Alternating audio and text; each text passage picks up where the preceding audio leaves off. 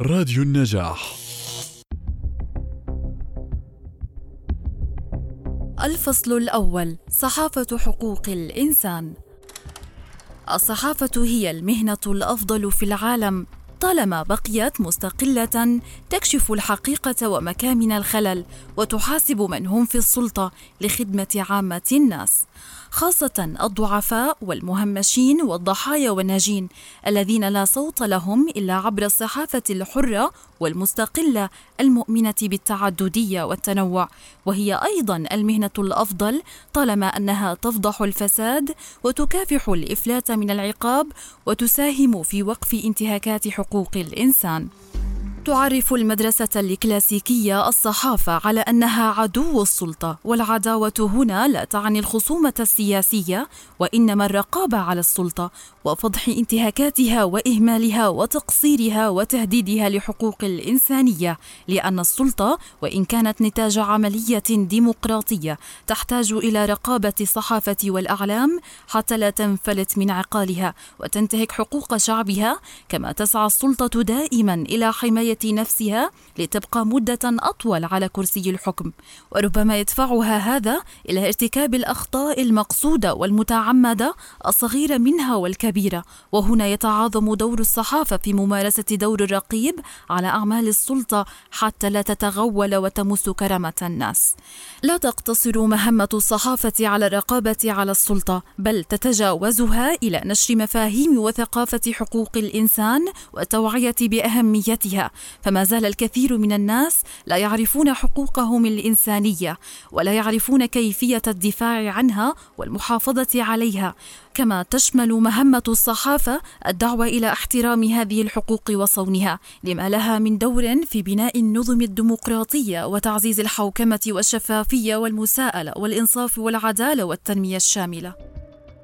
تساهم الصحافة الحقوقية في تعزيز الحوار بين مكونات المجتمع وتساهم في خلق مساحة للتعبير عن الرأي والرأي الآخر وحق الناس في المعرفة والوصول إلى المعلومات وتسعى إلى التنوع في تغطية القضايا وزواياها المتعددة والشخصيات ذات العلاقة بهذه القضايا والقصص الصحفية وأنسنتها وبث الروح فيها. تفسر الصحافة مفاهيم ومعاني قضايا حقوق الإنسان وتشرح الإجراءات مثل إجراءات التقاضي أمام المحكمة الجنائية الدولية أو الاستعراض الدولي الشامل لحقوق الإنسان وغيرها. الأخبار خدمة عامة للجمهور تقدمها وسائل الإعلام، والأصل فيها أن تكون تغطية نوعية ودقيقة ومنسجمة مع قضايا الإنسان وهمومه ومشاكله الكبيرة والصغيرة، القديمة التي ما زالت تنزف دون حل عادل، والحديثة التي تحاول النخب الحاكمة التستر عليها وطمسها بحلول ترقيعية. تسعى الصحافة أيضا إلى محاسبة المقصر والمتسبب والمتواطئ والفاعل الرئيس في انتهاكات حقوق الإنسان سواء أكان دولة أو أجهزة أمنية أو عسكرية أو جماعات أو أفراد وتحميل كل منها مسؤوليته عما ارتكبه من أفعال وذلك بأدوات صحفية عبر نشر تحقيقات استقصائية وتقارير معمقة وأخبار موضوعية وحوارات إعلامية. الإبلاغ عن انتهاكات حقوق الإنسان. هو الوظيفة الرئيسية والأهم للصحفي ومؤسسته الإعلامية، ومن يبتعد عن هذه الوظيفة يفقد جوهر المهنة ورسالتها، كما يرتبط طرديا وجود هذه المهنة وازدهارها باحترام حقوق الإنسان في الدول والمجتمعات، وكلما زادت انتهاكات حقوق الإنسان في دولة ما، كانت الصحافة الحرة والمستقلة وحرية الرأي والتعبير أولى الضحايا، فإسكات الصحافة متطلب ضروري وإجباري لانتهاك كامل منظومة حقوق الإنسان السياسية والاجتماعية والاقتصادية. وأمام ما تعانيه المنطقة العربية من انتهاكات جسيمة ومستمرة ودائمة ومنهجية لحقوق الإنسان فشلت الكثير من وسائل الإعلام في تغطية قضايا القتل والإعدام خارج القانون والتعذيب الممنهج والإتجار بالبشر والاغتصاب والإبادة الجماعية والتطهير العرقي وسوء معاملة السجناء والتمييز وإقصاء الخصوم وتعطيل الصحافه والنقابات والأحزاب وغياب الشفافية والتحريض على العنف والحض على الكراهية. وانتهاك الخصوصية والتوزيع غير العادل لمكتسبات التنمية وغيرها من القضايا.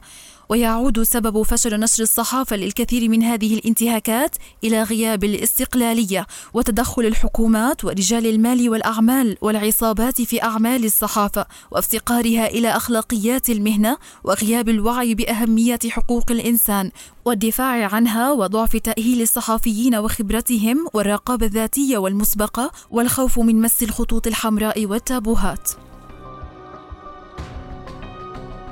ليس في وسع الصحفي أمام هذا الواقع الأليم إلا أن يحاول الحفاظ على الحد الأدنى من الاستقلالية والمهنية والموضوعية والدقة. وأن يطور من أدواته ومعارفه ومهاراته في تغطية هذه القضايا الهامة وأن يحافظ على سلامته الجسدية والرقمية وكذلك سلامة قصصه الصحفيه من العيوب الأخلاقية والقانونية. إن المهنية هي طوق نجاة الصحفي السائر على حد السكين في بيئة معادية لحرية الصحافة والإعلام. تتطلب تغطية مواضيع حقوق الإنسان المزيد من العمق والبحث والتوثيق والالتزام بالمهنية وكذلك التشبيك مع المؤسسات الحكومية والحقوقية والمنصات المتعددة للنشر حتى يتعاظم الأثر والتأثير.